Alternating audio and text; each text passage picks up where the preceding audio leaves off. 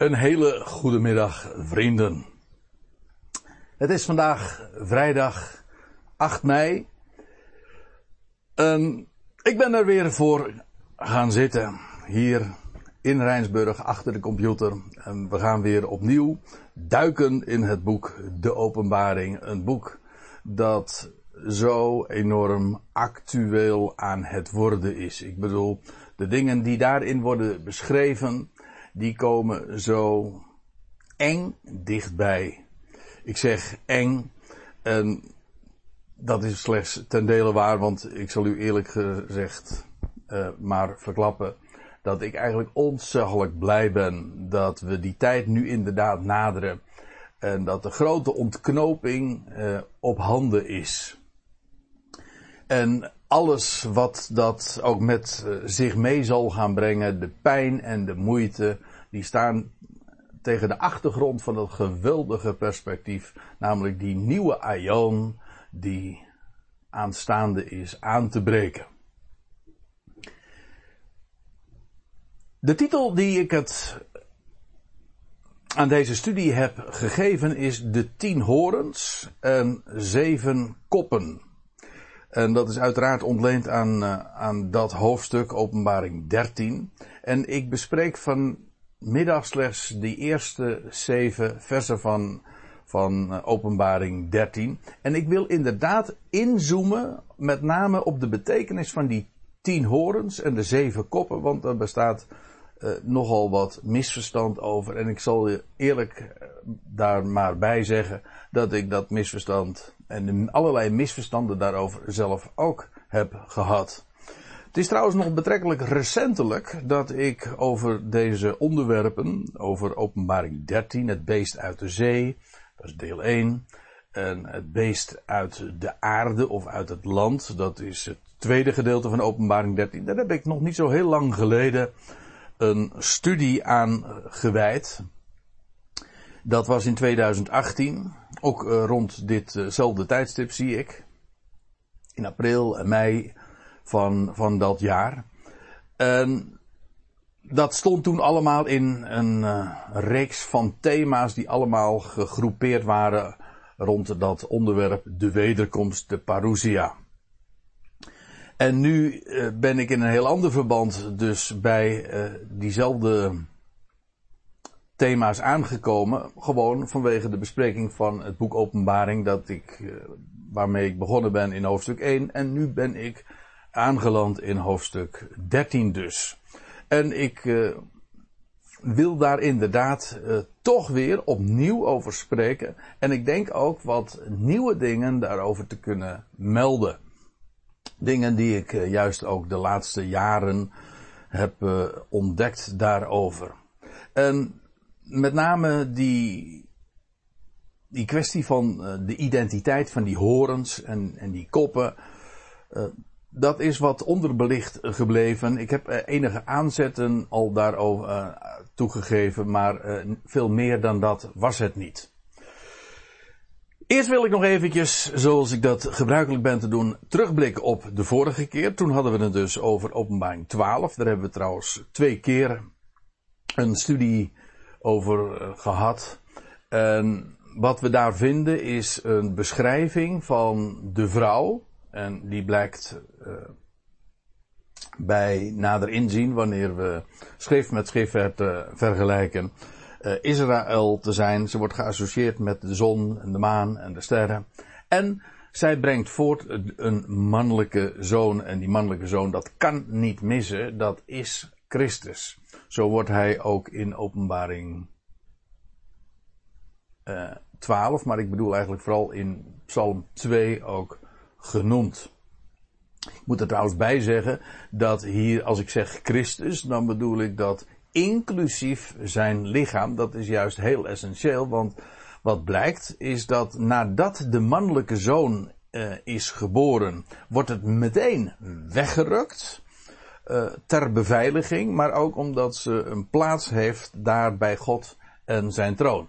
En op het moment dat zij daar is weggerukt, ontstaat er een oorlog in de hemel. En dat is allemaal onder leiding van Michael, die wij uit het boek Openbaring weer kennen. Ik, pardon, uit het boek Daniel met name, omdat hij degene is die het opneemt, de, uh, de belangen behartigt van het volk Israël in de eindtijd.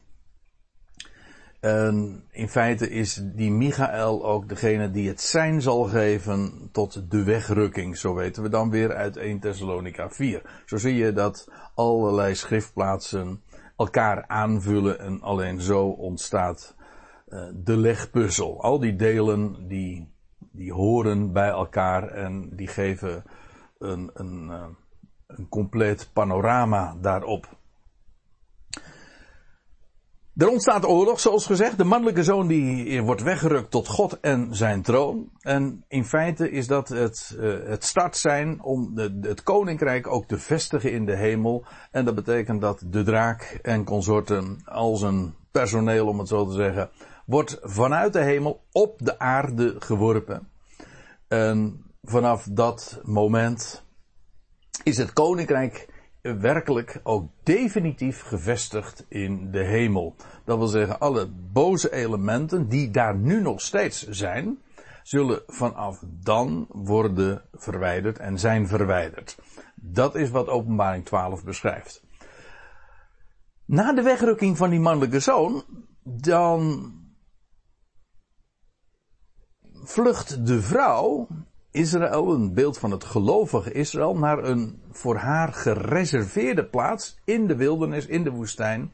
En daar wordt ze gedurende 1260 dagen, 3,5 jaar, niet alleen gevoed, maar ook behoed en bewaard.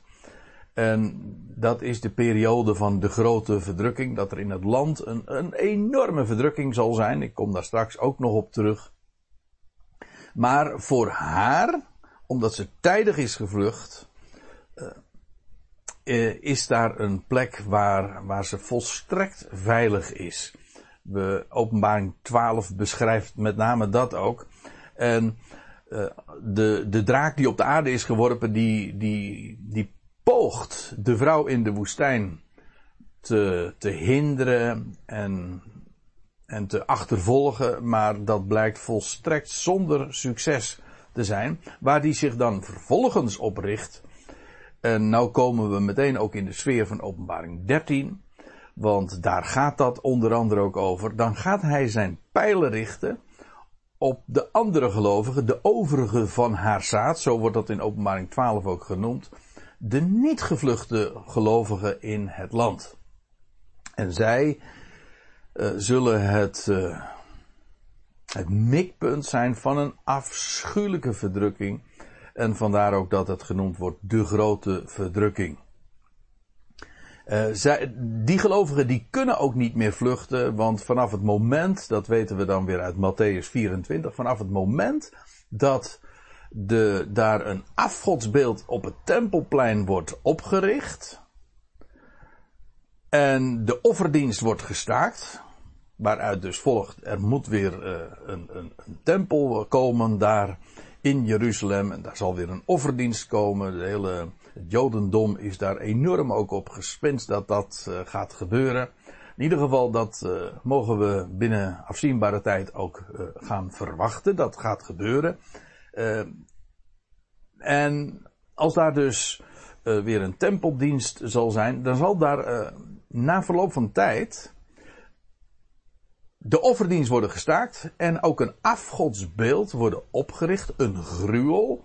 En vanaf dat moment uh, moet men vluchten, want en, en met grote haast, want men kan dan niet meer uh, langer wachten, want uh, de tijd van vluchten is dan heel snel voorbij. Er is dus echt haast bij geboden. En degenen die niet vluchten, ja, die zullen dus in het land vertoeven en zij zullen het, uh, het, uh, het mikpunt zijn van uh, een, een, verschrikkelijke vervolging. En u moet zich ook realiseren dat in die tijd, dat van de grote verdrukking, er in Jeruzalem, maar dat was openbaring 11, er ook twee getuigen zijn, die eigenlijk in de, in de geest van Mozes en Elia daar opereren. Zij zijn onaantastbaar, ze, ze, bevinden zich in het hol van de leeuw, maar zij zijn onaantastbaar. Maar op hun getuigenis zullen er ook velen gelovig worden. En, maar zij kunnen niet meer vluchten. Vandaar uh, dat uh, er een, een, enorme vervolging zal, zal plaatsvinden in het land. Nou, dat is een van de thema's ook in Openbaring 13, hoewel het uh, niet in deze studie nog zozeer aan de orde zal komen. Ik zal daar de volgende keer waarschijnlijk wat meer over vertellen. Goed, nou. Het wordt tijd om dan vers uh, bij, bij vers 1 te starten in Openbaring 13. En hij stond op het zand van de zee. Dat is een wat omstreden weergave, want er zijn tekst, uh, handschriften die zeggen, en ik stond op het zand van de zee. En in dat geval zou het slaan uiteraard op de schrijver, namelijk Johannes zelf.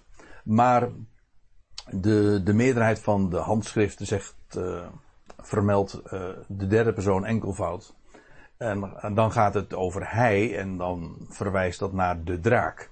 En die draak die stond op het zand van de zee. En ook dat geeft een hele logische gedachte. Want hij is namelijk degene die het beest, dat nu in het vervolg wordt uh, beschreven, die het beest uit de zee doet opkomen. Dat beest heeft eigenlijk ook alle eigenschappen van die draak. Neem me niet kwalijk. En ik nam waar, ik, Johannes, nam waar, vanuit de zee kwam een beest op. Vanuit de zee, en dat uh, is, staat in tegenstelling tot dat beest wat later in ditzelfde hoofdstuk beschreven wordt, dat uit het land of uit de aarde opkomt. De zee staat, staat hier echt voor de, voor de volkerenwereld. Waaruit dus ook uh, dan weer volgt dat als de zee slaat op de volkerenwereld, dan slaat het land op Israël Haaretz. Dat zal nog wel uh, diverse keren meer ook uh, aan de orde komen. Hij neemt dus waar dat er uit de zee een, een beest opkomt. En uh, nog eventjes om, een, om een bewijs daar ook voor te leveren in openbaring 17. Daar, daar wordt ook dat beest beschreven. En trouwens ook degene die dat beest bestuurt. Een vrouw, een hoer. Babylon. En dan wordt er gezegd. De wateren die je waarnam. Waarop de hoer zat dat zijn volkeren en scharen en menigte en talen. Inderdaad, dus een aanduiding van de volkerenzee. Zodat je ook ziet dat allerlei beelden die eh, worden gegeven, het boek staat vol met beelden en symboliek, die worden ook uh, bij gelegenheid verklaard. Is het niet in het boek zelf, dan elders. Goed. Uh, we gaan wat, uh, wat inzoomen op de beschrijving en dan in de eerste plaats over de tien horens. Want van dat beest wordt dan gezegd, het had tien horens. Maar die kennen we. Waarom? Omdat die namelijk we, omdat we die al eerder, veel eerder tegenkwamen in de Bijbel, namelijk in het boek Daniel. In Daniel 7, daar wordt een een beschrijving gegeven van vier dieren die opeenvolgend uh, zich presenteren. En dat, dat vierde dier, dat is ook het laatste dier, ook het laatste dier uh, dat uh, voorafgaat aan de vestiging van het koninkrijk. Van dat dier, van dat vierde dier, wordt in Daniel 7, vers 24 het volgende gezegd. Ik lees eerst even vanaf vers 23. En dan wordt een verklaring gegeven van het visioen dat Daniel had gezien. En dan wordt gezegd dat vierde dier, dat is het vierde koninkrijk dat op aarde zal zijn. En dan gaat het uh, over koninkrijken die Babylon als hoofdstad hebben. Dat is belangrijk, want natuurlijk zijn er veel meer wereldrijken uh, geweest als je rekent vanaf de tijd van Daniel, die dit allemaal optekende. Maar er zijn drie koninkrijken geweest tot dusver die Babylon als hoofdstad hebben. Als, als hoofdstad hebben gehad. En we weten, er volgt nog een, een wereldrijk met Babylon als hoofdstad. En die drie koninkrijken, uh, dat waren in de eerste plaats het Babylonische Rijk. Nou, dat is niet zo moeilijk. Uh, dat was het eerste rijk met Nebukadnezar als de grote man die, uh, die Babylon inderdaad als hoofdstad had. Maar hetzelfde moet gezegd worden van het Medo-Persische Rijk. Dat was een ander wereldrijk waar, waar een ander volk, namelijk de Medo-Persen, het voor het zeggen hadden, de Meden en de Persen. Maar uh, nog steeds met Babylon als hoofdstad. En daarna kreeg je vervolgens het Griekse Rijk van Alexander de Grote. En ook dat rijk kreeg uh, Babylon als hoofdstad. Dat was het grote doel ook van, van Alexander de Grote. En hij is trouwens ook in Babylon overleden. Plotseling, op hele jonge leeftijd. Maar goed, er zijn dus drie koninkrijken in het verleden geweest die Babylon als hoofdstad hebben gehad. En er volgt nog een vierde koninkrijk. Wel, over dat vierde koninkrijk, dat tot op de dag van vandaag toekomstig is, wel, dat wordt hier beschreven. Dat vierde dier is het vierde koninkrijk dat op aarde zal zijn. En dat verschillen zal van alle andere koninkrijken. En dat het gehele land zal verslinden. Of de gehele aarde uh, in het Hebreeuws en het Grieks uh, zou je beide kunnen verdedigen. Aarde, land, maar dat zijn in, het, in die beide talen identieke woorden. Dus wij maken dat verschil. Maar in, het, uh, in zowel het Hebreeuws als het Grieks kun je dat niet eens zo aanduiden. Dus kol ha-haret, zoals dat in het Hebreeuws hier staat, dat kan betekenen heel het land. En dan specifiek het land Israël, of gewoon al het droge, al het land, en oftewel heel de aarde. En ik denk dat het in dit verband uh, gaat over het hele land, namelijk Haaretz, Israël. Dat blijkt dan uit het vervolg.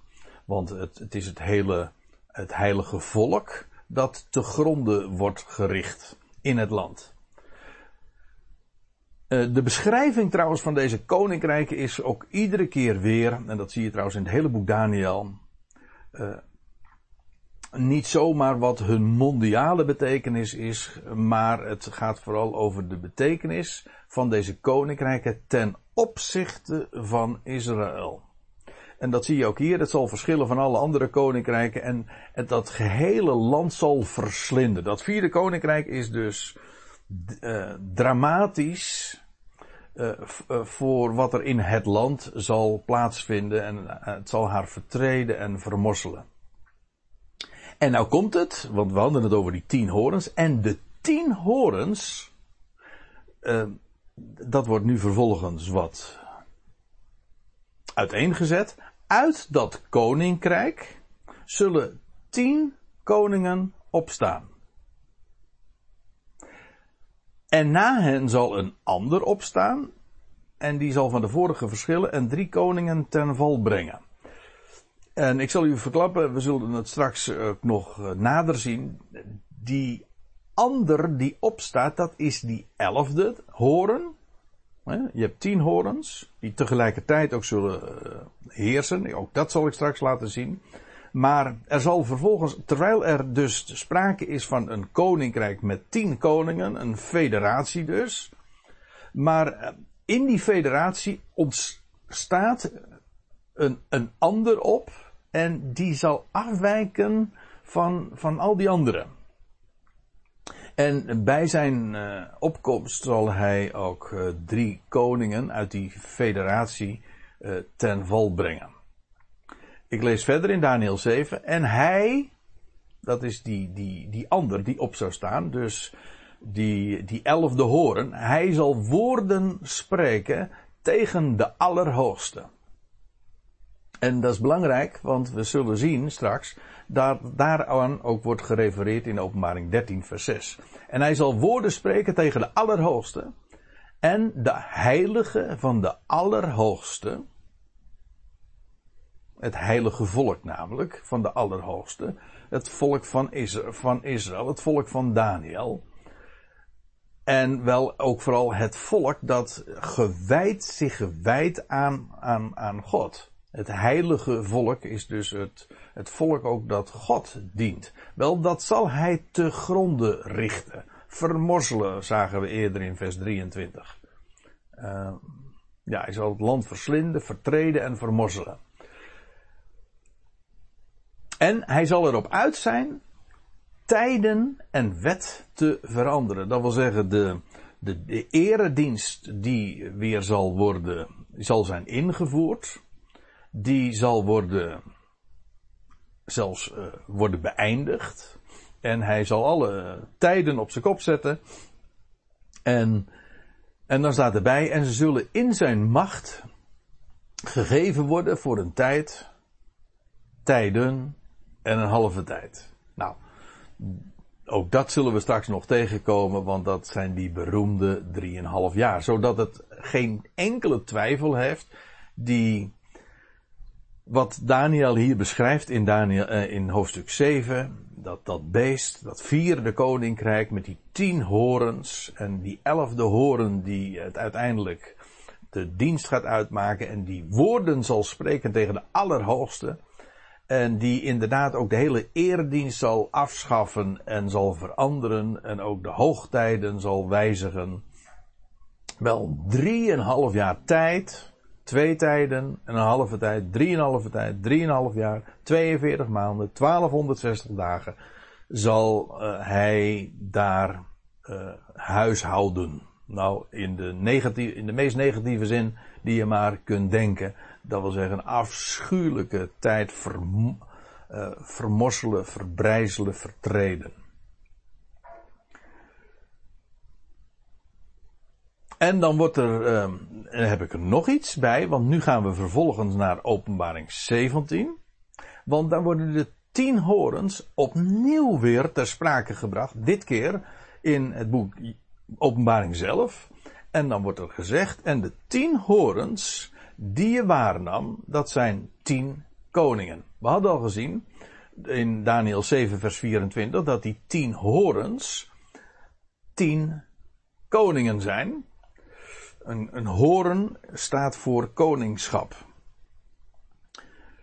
En dat zie je dus ook in openbaring 17 weer. En de tien horens die je waarnam, dat zijn tien koningen die nog geen koninkrijk ontvingen, maar als koningen één uur autoriteit ontvangen met het beest. Nou, nu kunnen we even samen gaan vatten waar het over gaat, want we hebben het dus over een, een, een federatie, tien koningen die tegelijkertijd heersen. Dat is belangrijk, die tien koningen heersen tegelijkertijd en ze vormen een federatie. En zij zullen heersen uh, en autoriteit ontvangen met het beest. Dat beest is dus onderscheiden van die tien koningen. Dat beest komt weliswaar voort uit die federatie van tien landen, tien koninkrijken, tien, tien staten, zo u wilt. Maar het is niet een van de tien, het is het hoofd daarvan. Dus je hebt aan de ene kant dus de federatie van tien koningen. En uit die tien, of in die federatie zal een, een elfde opstaan. En die zal uh, het hoofd vormen, de top vormen, de kop vormen van dat koninkrijk. Goed. Dat waren de tien horens. Maar nou heb ik nog iets, een verrassing. Want we komen die tien koningen in iets bedektere vorm nog weer elders ook tegen. Alleen worden ze dan niet tien horens genoemd, maar komen we ze tegen als tien tenen. Ons woord teen komt trouwens ook van tien. En uh, maar dat is dan niet in Daniel 7, maar dat is in Daniel 2. Daniel 2, daar wordt ook een beschrijving gegeven van vier koninkrijken. In Daniel 2 en in Daniel 7 vind je een beschrijving van vier koninkrijken. Alleen het wordt op een andere wijze uh, uitgebeeld. In Daniel 7 was het een beschrijving van vier dieren die elkaar opvolgen. In Daniel 2 wordt het uh, neergezet als een koninkrijk. Als, nee, als een, als een statenbeeld met een, een gouden hoofd, een zilveren een zilveren borststuk en dan koperen lendenen en een ijzeren benen en been en dan voeten van, van ijzer vermengd met leem. Nou, daar gaan we dan ook even naartoe. Daniel 2, want dan staat er en een vierde koninkrijk. Nou, die herkennen we, want dat zagen we zojuist ook al in Daniel 7. Een vierde koninkrijk. Excuus uh, zal hard zijn als ijzer. Ik zei al, er worden er verschillende metalen uh, worden gezien, daar in Daniel 2, goud, zilver, koper en ijzer. Wel, dat vierde koninkrijk, dat zal hard zijn als ijzer. Juist zoals ijzer alles verbrijzelt en vermorzelt. Nou, dat zagen we, dat is hetzelfde dezelfde terminologie die we ook in hoofdstuk 7, vers 23 zien. Verslinden, vertreden en vermorzelen. Wel, dat zal dat vierde koninkrijk doen. Uh, zoals ijzer dat vergruizelt, zal dit die allen verbrijzelen en vergruizelen. Maar nou komt er iets opmerkelijks. En dat gij de voeten en de tenen, de tien tenen dus, gezien hebt.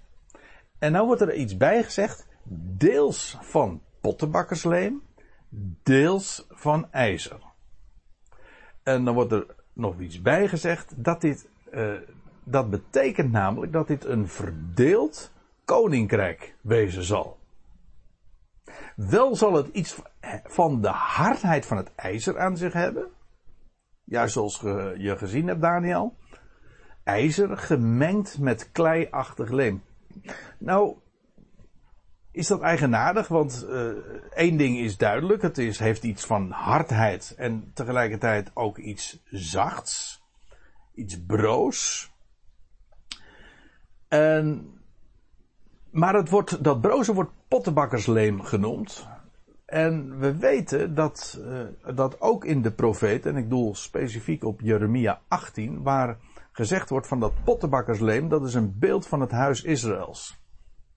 Moet dat maar eens nalezen in Jeremia 18, waar, waar Jeremia uitgenodigd wordt om naar het uh, huis van de pottenbakker te gaan. En dan, nou ja, dan ziet hij die man kleien en dan ziet hij uh, waar die mee bezig is. En dan wordt er uitleg gegeven. En het eerste wat er dan gezegd wordt, is ja, dat, dat, dat pottenbakkersleem, dat is een beeld van het huis Israëls. En dat zie je hier ook. Ik geloof namelijk, en ik kom daar straks uh, nog op terug. Maar ik geef hier al een eerste aanzet. Ik geloof dat dat pottenbakkersleem inderdaad ook hier slaat op het huis Israëls. Op het, op het Joodse element in dat laatste rijk. Ik lees nog even verder. Daniel 2 vers 42. En de tenen van de voeten, deels van ijzer, deels van leem. Ten dele zal dat koninkrijk hard zijn, ten dele zal het broos zijn. En in vers 43 wordt er dan nog wat nader verklaard. En dat je gezien hebt ijzer vermengd met kleiachtig leem. Dat betekent, zij zullen zich door, en nou wijk ik even af van de NBG-vertaling, die hier vertaalt dan door huwelijksgemeenschap. Dat staat er niet, dat staat letterlijk. De Statenvertaling heeft dat correct weergegeven. Zij zullen zich door menselijk zaad vermengen. Maar staat er dan met elkaar geen samenhangend geheel vormen. Zoals ijzer zich niet vermengt met leem. Met andere woorden, dat koninkrijk, dat uh, bestaat uit twee elementen. Namelijk, het is hard als ijzer, maar er zit ook pottenbakkersleem in verwerkt. Het is, uh, het, in feite komt het erop neer, het is door menselijk zaad vermengd. Er lopen twee verschillende bloedlijnen, zo, om zo te zeggen, door elkaar. Uh, twee verschillende volkeren die niet zich laten vermengen. Ze, in dit geval, ze zijn vermengd, maar het vormt geen samenhangend geheel zoals ijzer zich niet laat binden aan, aan leem. Dat vierde koninkrijk, dat is ijzer en tegelijkertijd zit daar pottenbakkersleem in. En ik geloof dat dat inderdaad alles te maken heeft met die Joodse inbreng.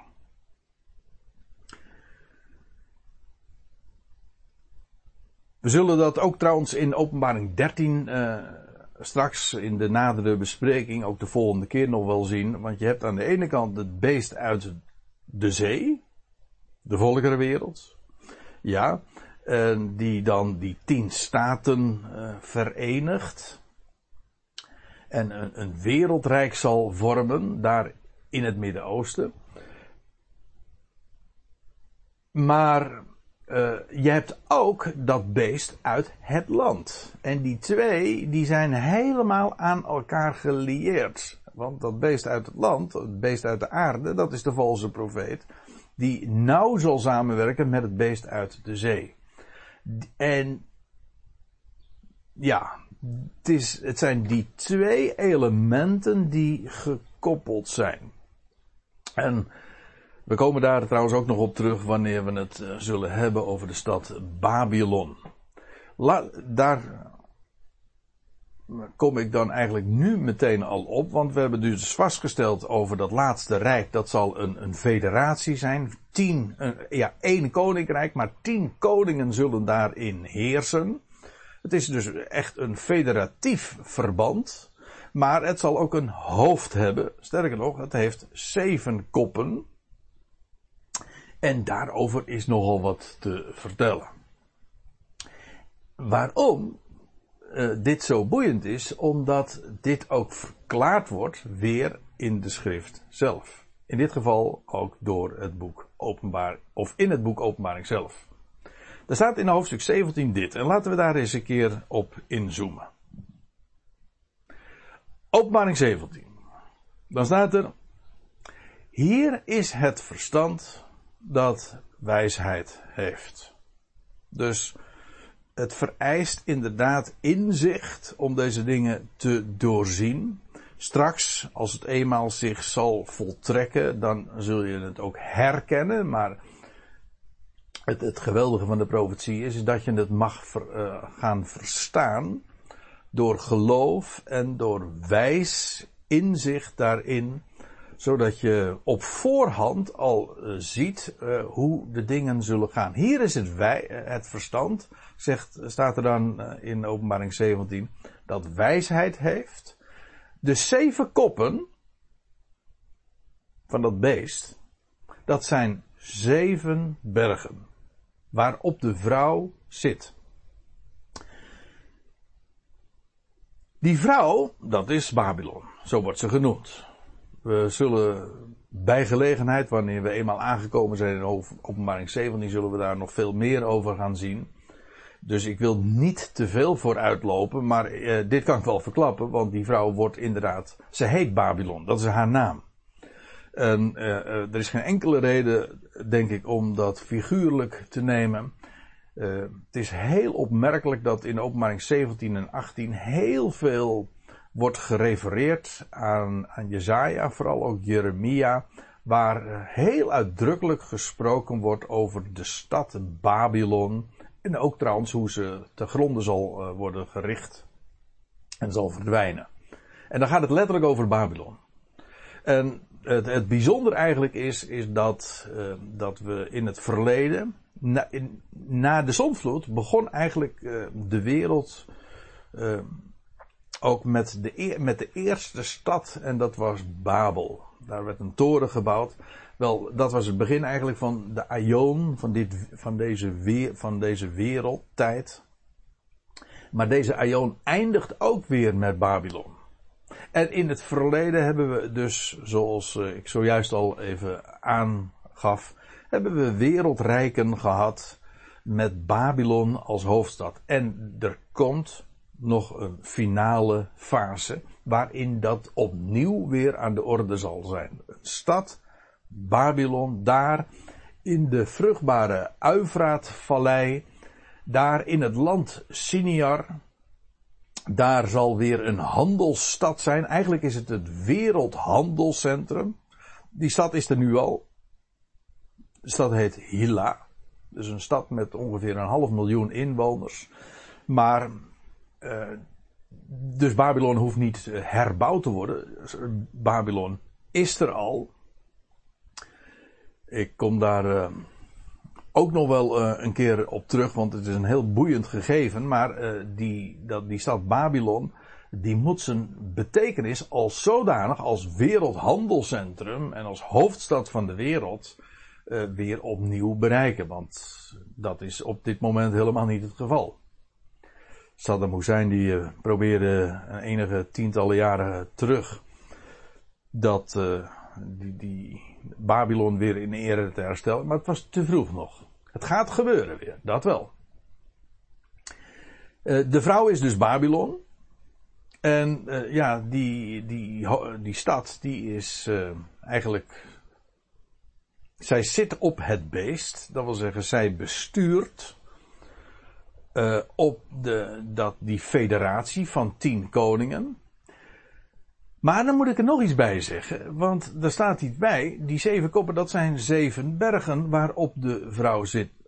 En nu doet zich een probleempje voor. En ik heb daar zelf ook een lange tijd mee gezeten. Hoe zit dat nou? Want Babylon, dat is een stad, zoals gezegd, in het huidige Irak, daar bij de Uivraat. En, maar dat, die stad is niet gebouwd op zeven bergen het bevindt zich in een vallei en dat is niet gebouwd op zeven bergen. Maar hier staat van dat Babylon uh, zetelt, ze zit op zeven bergen. En dat uh, betekent iets anders. Namelijk dat haar zetel, Babylon is Babylon. Maar haar zetel, haar hoofdkwartier, haar plaats van bestuur, dat bevindt zich elders. Namelijk in de, op die plek van zeven bergen. En ja, er zijn heel wat plekken, heel wat steden die uh, die reputatie hebben. En zelfs in Nederland hebben we een plekje, een plaats die zo heet, Zevenbergen. Maar uh, nou, laten we daar maar eventjes aan voorbij gaan. Uh, het beroemdst is denk ik uh, Rome, die, dat een stad is gebouwd op zeven bergen. Maar een, in de Bijbelse zin is er veel bekendere, namelijk Jeruzalem. Ook daarvan zijn zeven bergen aan te wijzen en, en, en het is op die stad, op die plek waar hier gedoeld wordt waarop de vrouw gezeteld is. Het hoofdkwartier van Babylon, haar zetel, haar, de plaats van bestuur, bevindt zich elders. Dus Babylon is de hoofdstad en toch haar hoofdkwartier, de plaats van bestuur, bevindt zich daar bij de of op de zeven bergen en dat is in Jeruzalem. En dat is de connectie tussen Babylon en Jeruzalem in de eindtijd. Die twee zullen het op één, uh, op een akkoord gooien. En ik geloof ook, maar nogmaals, uh, daar komen we bij uh, een latere gelegenheid op terug als we het over, hoofd, over hoofdstuk 17 hebben, dat de dat, dat Babylon ook in hoge mate een Joodse stad zal zijn. En de, een wereldhandelscentrum. En daarin, eh, daar in Irak. Dus eh, dat betekent, eh, daar komt het op neer, dat, eh, dat de Joodse staat ook een soort dependance krijgt daar in Irak. Hoe ze daaraan komt, dat weet ik niet. Maar in ieder geval, die, de huidige stad Hilla wordt, uh, wordt weer gewoon Babylon en het wordt het wereldhandelscentrum. Ik, ik ga nu dus niet verdedigen hoe, hoe dat zal, kan gebeuren. Ik kan allerlei scenario's bedenken waardoor dat zal gebeuren, maar geheid dat het, uh, als het uh, zich inderdaad aandient, dat het toch nog weer op een andere, via een andere route is gegaan. Dus het heeft denk ik niet zoveel zin om daarover te speculeren. Hoe dan ook, Babylon uh, zal weer een enorme functie vervullen, maar haar hoofdkwartier heeft ze in Jeruzalem.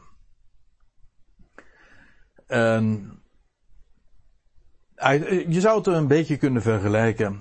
Ik weet, de vergelijking gaat, dat zoals elke vergelijking trouwens, gaat uiteindelijk mank. Maar je zou, Amsterdam is de hoofdstad van Nederland. Maar de plaats van bestuur, haar hoofdkwartier, bevindt zich in Den Haag.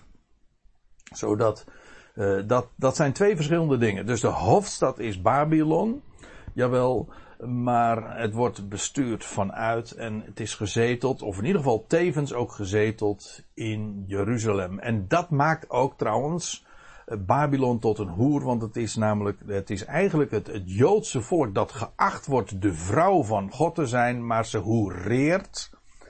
En ze is zelfs verantwoordelijk voor de enorme vervolging van de gelovigen in het Joodse land. Wat het uh, ook aangeeft trouwens dat, uh, dat dat vierde koninkrijk in het Midden-Oosten niet alleen de tien staten daar, tien staten, Arabische staten zijn. Maar het blijkt dus ook een enorme Joodse inbreng te zijn. En dat geeft dus wel aan dat, dat, uh, dat, die, dat vierde koninkrijk bestaat uit twee elementen. Die elkaar dus eigenlijk niet verdragen. Ze laten zich niet vermengen. Ze vormen nooit een samenhangend geheel. Maar er zal een monsterverbond zijn tussen, tussen, tussen aan de ene kant dat ijzer en dat, dat leem, dat pottenbakkersleem. En dat heeft alles te maken ook met de functie van Babylon, dat gezeteld zal zijn op de zeven bergen, namelijk Jeruzalem. Dat is één ding. Dus Babylon heeft haar zetel in Jeruzalem. Maar die zeven koppen blijken nog een betekenis te hebben.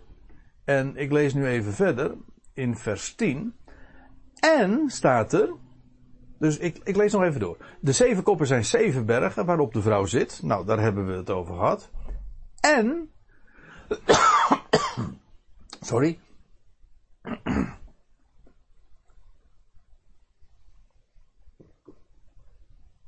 En zij zijn zeven koningen. Dus het zijn zeven bergen. Ik geloof gewoon letterlijke bergen.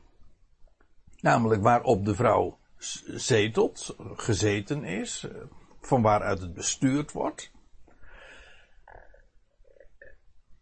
Maar die zeven koppen vertegenwoordigen nog iets. Dat is een andere lijn. Dus het heeft twee verklaringen. Zeven bergen, verwijzend naar Jeruzalem. En zeven koningen. Maar nu doet zich iets eigenaardigs voor. Want dat betekent dat die zeven koppen dus dezelfde betekenis zouden hebben als die, zeven, als die tien horens. Want van de tien horens lazen we dat het tien koningen zijn. Maar zijn die zeven koningen, of pardon, de zeven koppen dan ook koningen? Zou wat is dan het verschil? Dat is dan de vraag. Wat is dan het verschil tussen die tien horens en die zeven koppen, of die zeven hoofden, zo u wilt? Nou, het verschil is dit. En ik heb het eigenlijk al uh, stiekem een beetje verklapt, maar ik zal het nu wat explicieter maken. Kijk, de tien horens die regeren tegelijkertijd. Maar, en ik zal dat straks ook laten zien, de zeven koppen of zeven hoofden die regeren achtereenvolgend.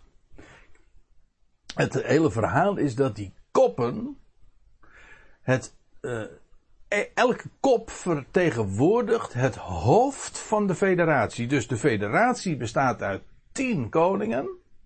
En het hoofd van de federatie, ja, dat is die kop. En er zullen zeven achtereenvolgende, of in ieder geval zeven koppen uh, zijn. nou, zeven koningen. Uh, acht die elkaar uh, zullen opvolgen. Nou, hoe dat zit, dat wordt dan vervolgens verklaard, want ik lees nu verder in vers 10. en ze zijn zeven koningen, en dan staat er, vijf ervan vallen, het staat in de aorist, in een tijdloze werkwoordsvorm. Niet zoals in de MBG-vertaling vijf ervan zijn gevallen. Als een voltooid tegenwoordige tijd. Uh, dat kan wel, maar het staat er op een tijdloze wijze weergegeven. Vijf ervan vallen, ongeacht wanneer. Eén is er. De ander kwam nog niet. En wanneer hij zou Vijf zijn ervan. Eén is er, dat is nummer zes toch? De ander kwam nog niet, dat is nummer zeven. En wanneer hij zou komen, dan moet hij een korte tijd blijven. Dus, dus nummer zeven blijft maar een korte tijd. En het beest, dat wel was, niet is, maar wel weer komt. Dus hij was er, hij is een tijdje een korte tijd niet en dan vervolgens komt hij alsnog, is zelf ook de achtste. En hij is vanuit de zeven en hij gaat ten onder.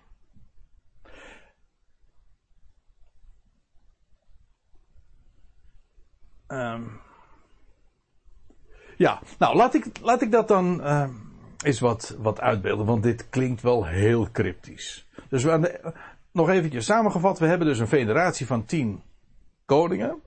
Maar die tien koningen hebben een hoofd. Nou, wat, wat zal er gaan gebeuren? Laat ik het eens uh, in, een, in een tijdlijn zo uiteenzetten, want het is opeenvolgend. Je hebt een, een vijfkoppige leiding van de federatie. Dit is even een twijfelachtig punt, want je zou kunnen zeggen, als hier staat uh, vijf ervan vallen, vallen ze dan achtereenvolgend, of heb je een vijfkoppige leiding dat valt? En beide is te verdedigen. Ik ga er nu even gemakshalve van uit dat het een vijfkoppige leiding is. Dus je hebt een tien staten en ze hebben een leiding, een bestuur. En daar, die bestaat uit vijf, ja, vijf koningen, vijf. De, het is een vijfkoppig eh, bestuur, zeg maar, van de federatie. Wel, die leiding valt, die wordt ten val gebracht, die faalt om zo te zeggen.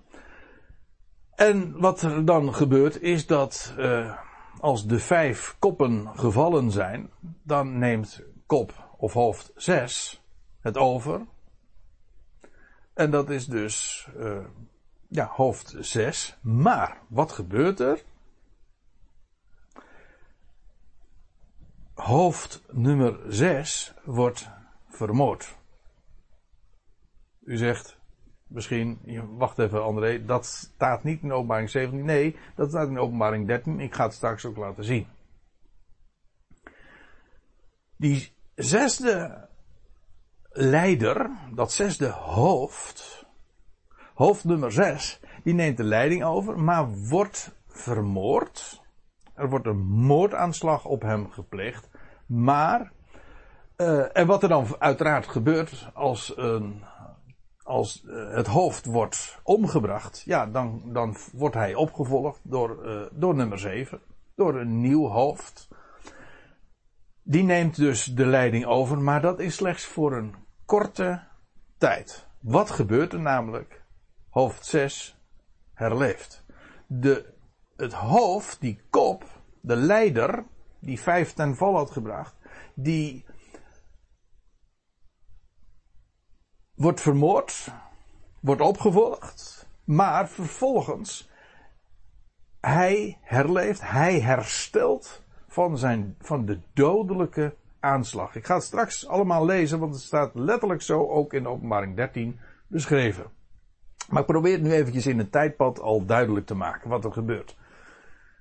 En dat betekent als hoofd 6 dan herleeft, ja, dan moet hoofd 7 alsnog uh, het veld ruimen. Dat was feitelijk dus alleen maar een interim, want hoofd 6, ja, hij was de vorst, hij was de koning. En uh, hij herstelt, hij herleeft. Ik denk inderdaad dat hij uh, werkelijk dood was en herleeft. Wat natuurlijk buitengewoon spectaculair zal zijn. En uh, dat zal ook betekenen dat hij ook opnieuw weer de macht zal opeisen. En nummer 7 moet dan vervolgens, die slechts korte tijd heeft geregeerd, moet zijn macht weer afstaan. En uh, nummer 6 die zet dus gewoon zijn macht weer voort. Maar is daarmee feitelijk dus ook gewoon nummer 8. Als u begrijpt wat ik bedoel. Hoofd 6 is identiek aan hoofd 8. Hij is namelijk gewoon even van, van het toneel verdwenen. Is vervangen door hoofd 7. En dus, als hij de macht weer overneemt, is hij en hoofd nummer 6. En hij is ook nummer 8. En dat verklaart ook, en nu ga ik weer even terug naar de tekst. Vijf ervan vallen. Eén is, één is er nog. Uh, en dat is nummer 6. De andere kwam nog niet. En wanneer hij zou komen, moet hij korte tijd blijven. Dat is nummer 7. En het beest dat wel was, niet is. Dat is zelf ook de achtste. En hij is uit de zeven. Maar ik moet er ook bij zeggen, hij gaat ten onder. Maar goed, zover is het nu nog niet. Uh, wat je dus ziet is dat die, die hoofdnummer 6, let op, hoofdnummer 6 wordt vermoord, opgevolgd, korte tijd. En hij, aangezien hij leeft, herleeft, zet hij zijn macht op een spectaculaire wijze voort, zodat inderdaad nummer 6 identiek is aan nummer 8. En dat betekent dus dat, je, dat hij zich eh, in drie gedaanten manifesteert. Hij regeert, hij wordt vermoord en hij regeert opnieuw. Maar zet die getalletjes nou eventjes onder elkaar, dan krijg je dus, je hebt drie keer zes. Hij regeert, hij wordt vermoord en hij herleeft. En dat heeft, dat, uh, karakteriseert deze leider. Hij is de nummer zes die zich drievoudig manifesteert. En juist dat is ook zijn, zijn, zijn handelsmerk, om zo te zeggen. Waarom hij zo'n geweldige macht uh, zal hebben, maar ook zo'n gigantische uh, invloed zal uitoefenen. En iedereen zal ook uh, zal betoveren. Want hoe spectaculair is het dat die zesde leider dan inderdaad, die al spectaculair was, maar in de wijze waarop hij aan de macht kwam. Maar als hij dan vervolgens wordt vermoord en herleeft, en dan vervolgens zijn macht voortzet, ja, uh, dat is uh, ongehoord in de hele wereldgeschiedenis. De wijze waarop dit wereldrijk zich, die in die nummer zes zal manifesteren.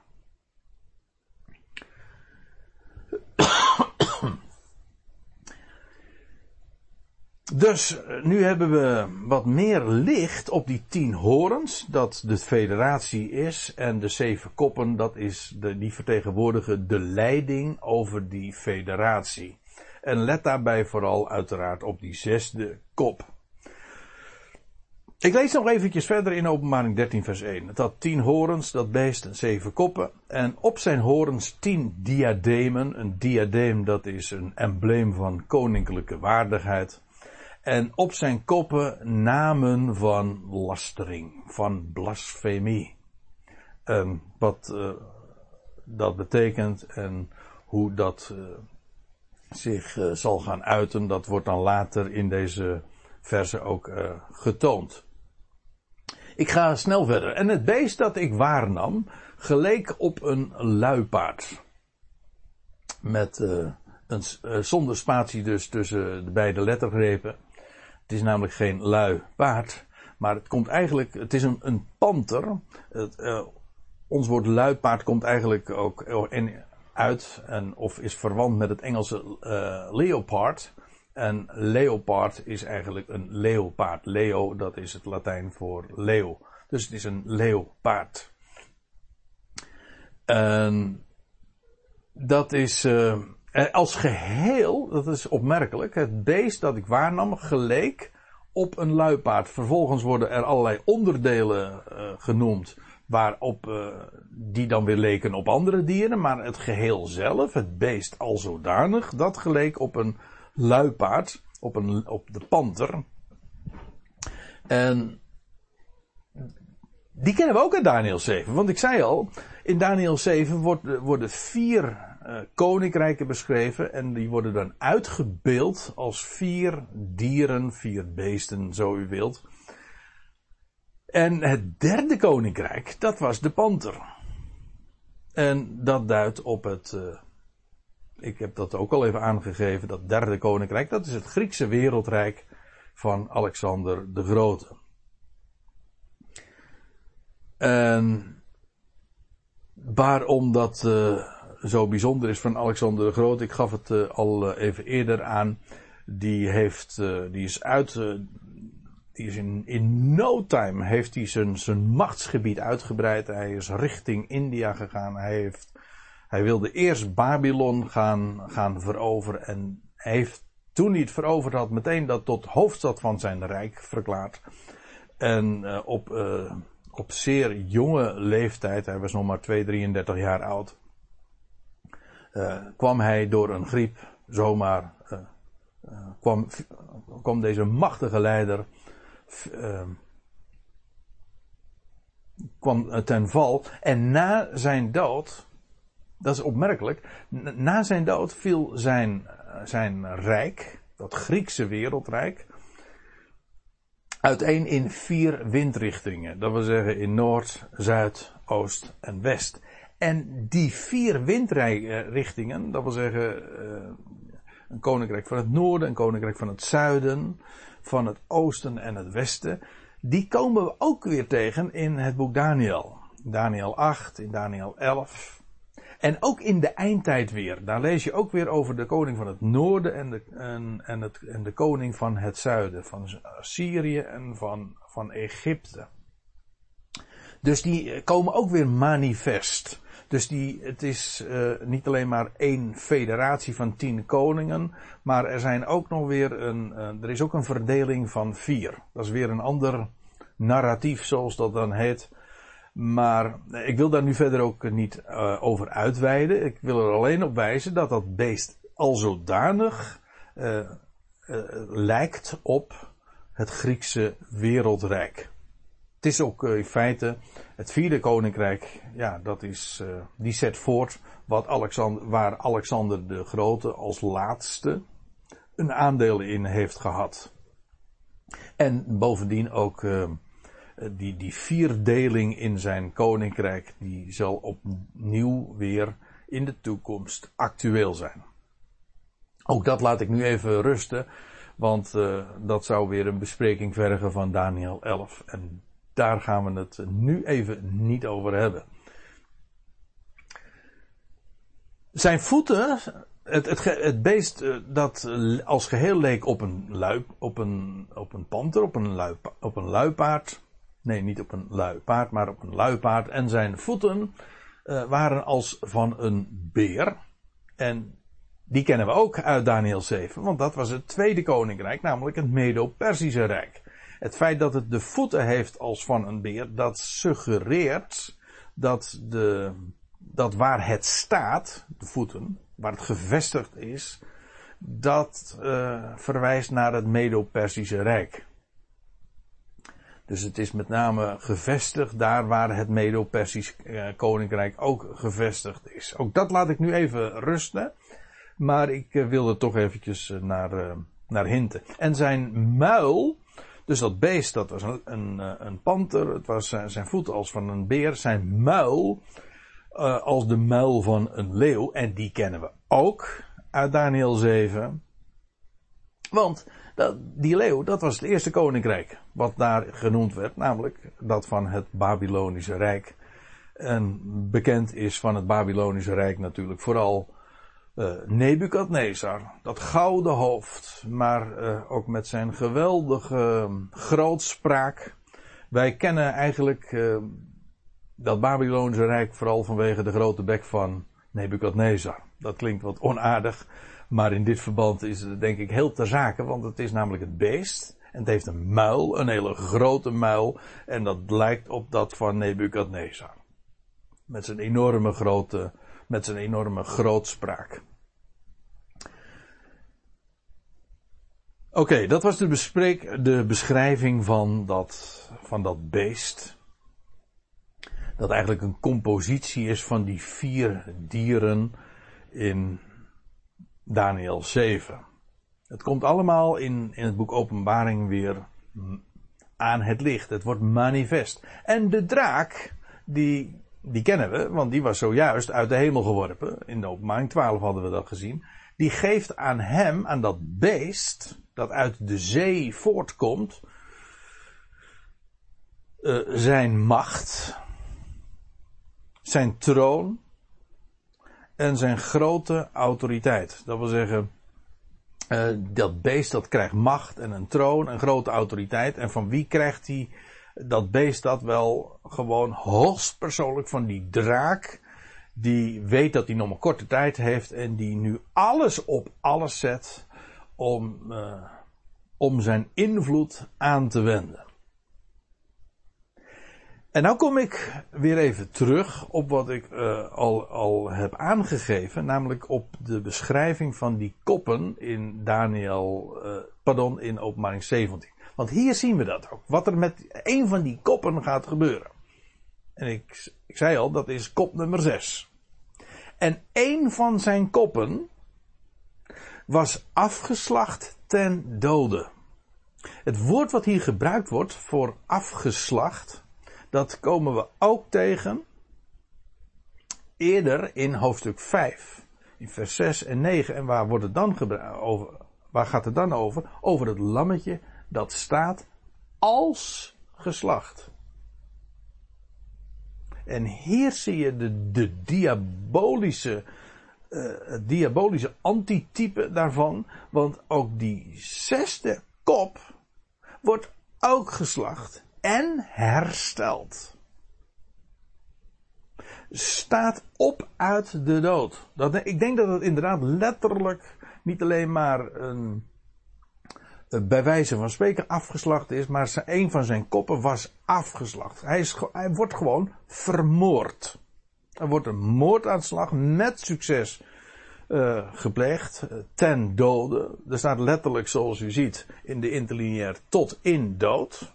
En dat betekent dus echt dat hij in het, in het terrein van, van de dood terechtkomt. En ik neem dat gewoon letterlijk, hij wordt vermoord. En alleen op die wijze kun je ook zien waarom het zo buitengewoon uniek is wat er, wat er met deze zesde koning, met die zesde kop, gebeurt. En waarom hij zo'n enorm succes zal hebben nadien. Want laten we verder lezen.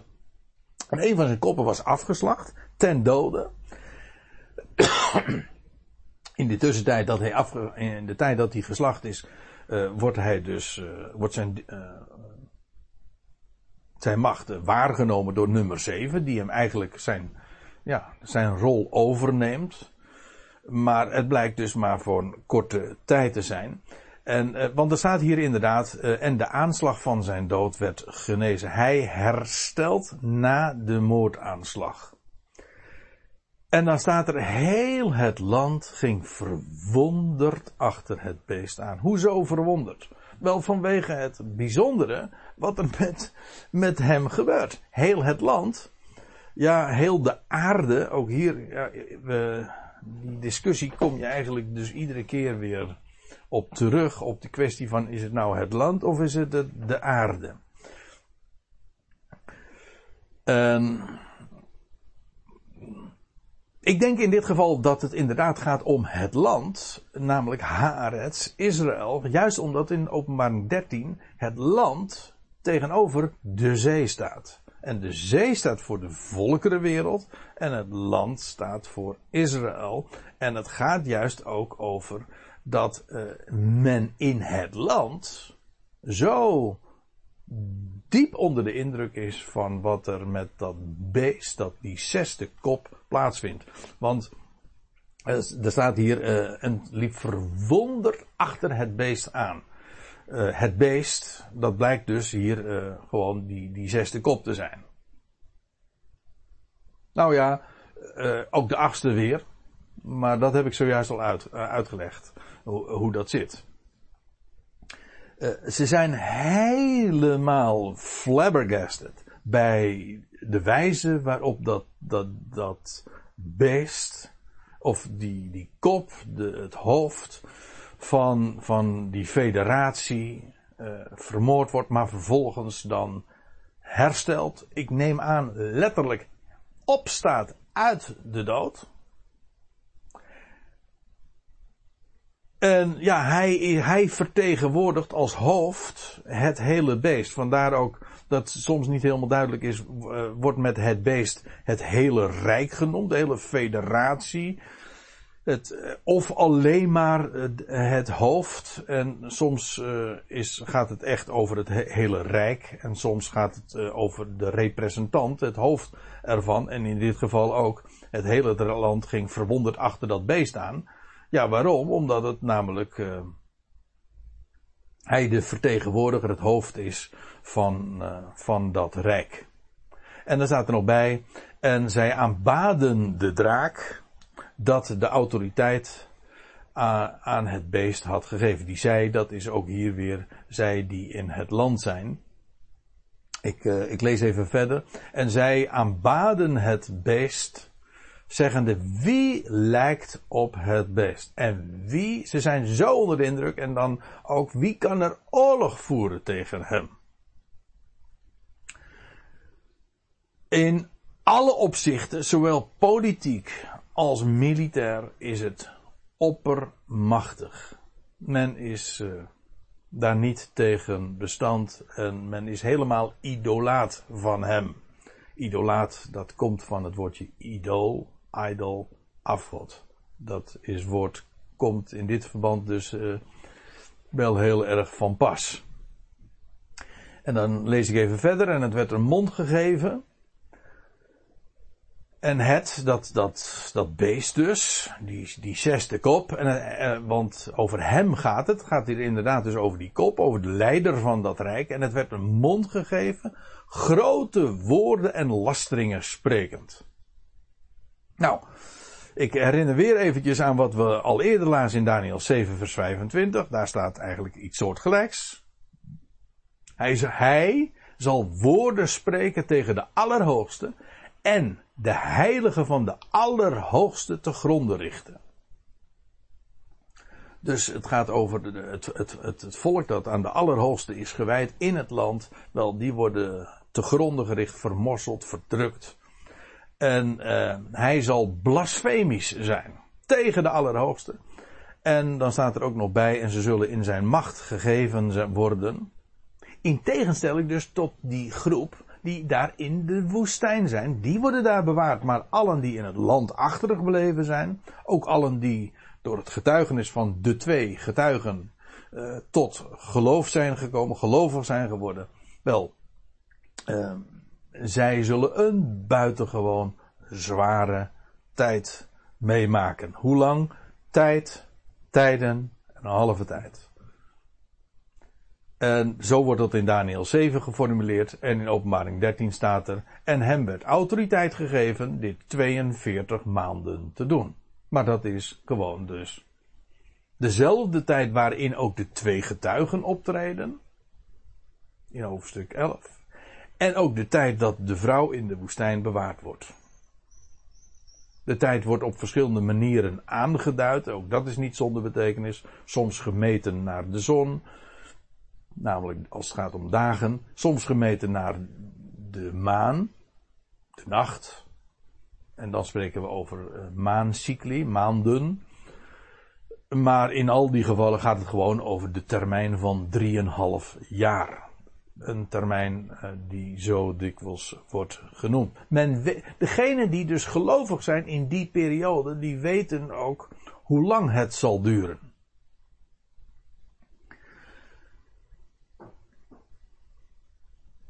Ik lees even verder. En hij, openbaring 13, vers 6, en hij opent zijn mond tot lasteringen tegen God, om te lasteren zijn naam. De, daar moet je, het feit dat dit zo benadrukt wordt over wat hij zal doen, dit zal door merg en been gaan voor het gelovig overblijfsel dat in het land zal zijn en zo zwaar verdrukt wordt. Wel, de wijze waarop dat beest eh, eerst al sowieso eh, de, hun eredienst zal hebben afgeschaft. Dat is één ding. En vervolgens dan zal woorden zal spreken tegen de Allerhoogste. Dat zal uh, onvoorstelbaar zijn. En uh, hij last het God en zijn naam en zijn tent, dat wil zeggen de hemel en degene die in de hemel als in een tent wonen. En feitelijk die dus ook verantwoordelijk zijn voor het uitwerpen van de draak. In feite dus ook uh, een lastering van allen die de mannelijke zoon vormen. De Ecclesia van in onze dagen. Vers 7. En hem werd gegeven, dat beest, die zesde kop, hij die lasteringen spreekt, oftewel ook die elfde horen. Ik hoop dat u het allemaal nog volgt, maar het is uh, de systematiek die, uh, die laat al die verschillende aanduidingen ook gewoon toe en ze zijn ook volkomen ter zake. En hem werd gegeven, die leider, oorlog te voeren tegen de heiligen en hen te overwinnen. Ze worden hier dus heel uitdrukkelijk onderscheiden van die vrouw in de woestijn. Want die is daar onaantastbaar. Maar zij die niet hebben kunnen vluchten, de heiligen in het land, wel tegen hen wordt oorlog gevoerd. En zij worden ook overwonnen, dat wil zeggen, ze worden met succes vervolgd. En vandaar ook natuurlijk die grote verdrukking zoals die nooit geweest is. Daar hebben we geen idee van hoe zich dat zal, uh, wat dat zal betekenen. En de heiligen hier zijn dus de Joodse gelovigen, niet in de woestijn, maar in het land. En staat er dan nog bij, en hem werd autoriteit gegeven over elke stam en volk en taal en natie. En dit bevestigt precies waar ik al eerder op doel, dat als er sprake is van hen die in het land wonen, uh, dan gaat het dus over specifiek het land van Israël. Maar dan wordt er in vers 7 erbij gezegd, ja, maar hij heeft niet alleen maar autoriteit daarover degenen die daar in het land wonen, en hij, hij, hij overwint hen, die daar, de heiligen, ja, maar hij heeft ook autoriteit over elke stam en volk en taal en natie. Dus ook zijn macht is zoveel grootser en is niet beperkt tot Haaretz, het land. En dat betekent dus dat hij wereldwijd dus faam zal hebben en autoriteit, volmacht. Hij zal dus absoluut de wereldheerser zijn. En dat betekent dus ook dat de wereldheerschappij in die dagen, niet uh, in, in Moskou of in Washington is, maar inderdaad in het Midden-Oosten gesitueerd zal zijn. Nou, daar wil ik het uh, bij laten, want ik zie dat ik inmiddels al vijf kwartier uh, over deze dingen spreek en het wordt tijd om dan af te sluiten. En dan wil ik alvast de, de volgende keer aankondigen Namelijk wanneer we de studie voortzetten in hoofdstuk 13. En dan beginnen we dus bij vers 8 te lezen. En dan uh, zetten we wellicht voor tot vers 18. En dan gaat het over de grote verdrukking in het land. En vervolgens ook over het beest uit het land. Want er zal iemand uit het land, uit Israël, opstaan. En die, eh, hij wordt genoemd de valse profeet. En hij zal onder één hoedje spelen met het beest uit de zee. Dus er is een connectie tussen, en dat is wat ik bedoel te zeggen. Er is een directe connectie tussen de leider van het wereldrijk in die, die federatie van tien staten die geregeerd wordt in Babylon, maar tegelijkertijd uh, daar is ook die machthebber, maar dat is wel religieuze macht vanuit Jeruzalem. En dat brengt me dan tevens weer uh, waarbij, uh, over, op dat onderwerp waar we het eerder over hadden, namelijk dat het laatste wereldrijk en ijzer en pottenbakkersleem heeft. En dat uh, is het hele bijzondere van dat wereldrijk in de, in de eindtijd. Het zijn buitengewoon boeiende dingen en we zullen deze dingen in de komende jaren zich uh, zien gaan uh, voltrekken. Het zal worden, dat hele plan, dat wordt, dat wordt uitgerold. Wat we dus eigenlijk moeten gaan verwachten, misschien dan mag ik daarmee samenvatten en afsluiten ook deze studie. Dat is een, een tempeldienst weer in Jeruzalem. Die gaat er komen, hoe dan ook. En uh, in diezelfde tijd, dan zal er in eerste instantie sprake zijn van, van vrede. Zal er ook een federatie gevormd worden van tien staten. En de, de, de macht, de, de staten die elkaar nu niet het licht in de ogen gunnen, daar in het Midden-Oosten, die zullen de, die zullen de gelederen sluiten. En ook daarbij zal Babylon, het huidige uh, nou, ik kom even niet op de naam, maar in ieder geval uh, de stad uh, waarvan ik de naam zojuist wel noemde, daar in Irak. Babylon zal daarbij een grote rol gaan spelen. Ook dat is iets waar we de ogen op gefocust moeten hebben. Namelijk op die op Irak en wat daar gaat gebeuren. En over de rol van, van Babylon als wereldhandelscentrum. Hoe zich dat allemaal zal gaan, uh, gaan voordoen, dat uh, weet ik niet. Ik heb daar wel bepaalde vermoedens bij. Maar daar bent u hopelijk niet echt in geïnteresseerd. Het gaat erom wat er staat geschreven. En dat heb ik ook in deze studie graag eens willen uiteenzetten. Nou, dat was het voor vandaag. Um, het zijn hele boeiende zaken. En ik zou zeggen, beste mensen, een hele fijne dag verder nog. Uh, God zegen. Het was een genoegen om deze dingen uiteen te zetten. En ik zou zeggen, tot een volgende keer.